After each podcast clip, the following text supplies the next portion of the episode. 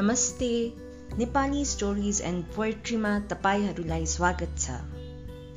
आजको कविताको शीर्षक छ कमाने आमाको सपना। रचयिता स्वर्गीय रामलाल अधिकारी।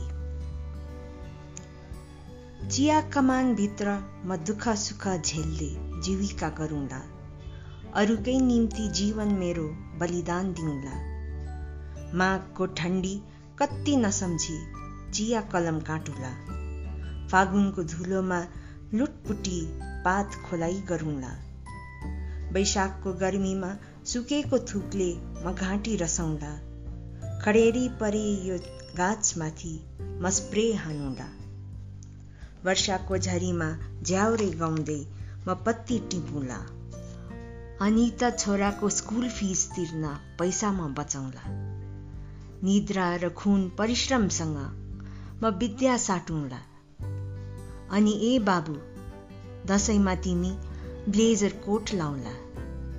साहेबकी आमी फुलसरी पनि चाँडै नै बन्नेछु। अहिलेलाई रक्तकै बुँदले आशाको बिरुवा सिच्नेछु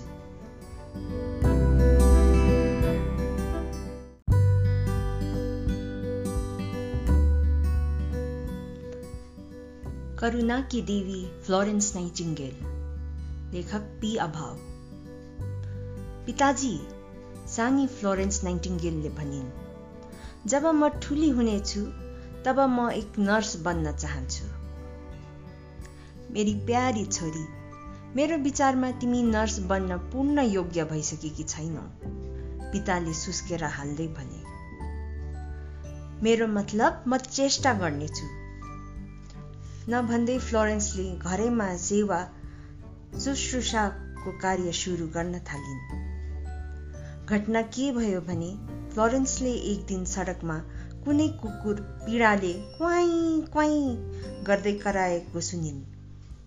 एक निर्दयी केटोले गजबले ढुङ्गाले हिर्काएको हुनाले त्यसको खुट्टाबाट रगत बगिरहेथ्यो।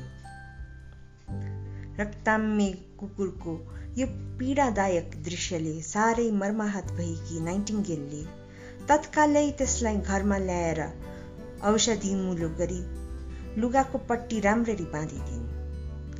हप्ता दिनभित्रै त्यो कुकुर जाति भयो औ उनको असल मित्र बन्यो। फ्लोरेन्स नाइटिङ्गेलको जन्म सन् अठार सय बिस बाह्र मईमा इटलीको फ्लोरेन्स भन्ने सहरमा भयो।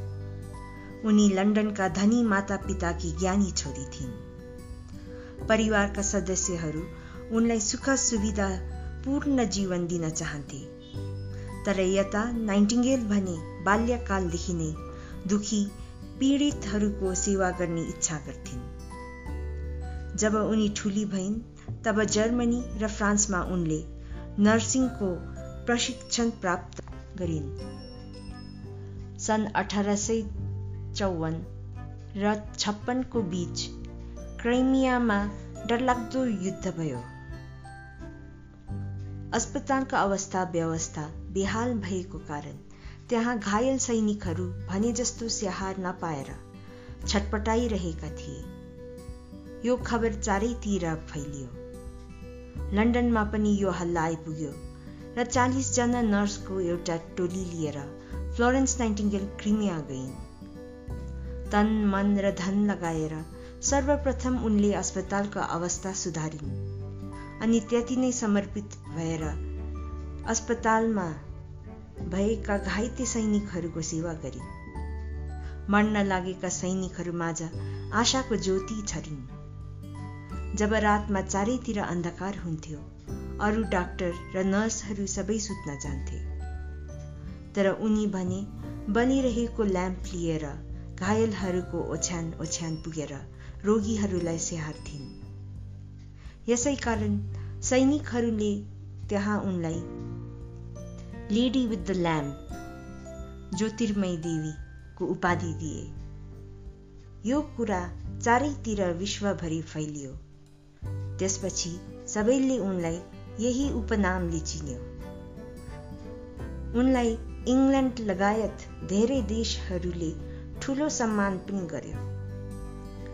नर्सिङ व्यवस्थालाई नयाँ वैज्ञानिक ढाँचा प्रदान गर्ने फ्लोरेन्स नाइटिङ्गेल एक असाधारण महिला थिइन्। आफ्नो परिवारको सारा सुख सुविधा ऐश आराम त्यागेर कष्टमा परेका मानिसहरूको निस्वार्थ सेवाको काम छान्नु सजिलो कुरा होइन।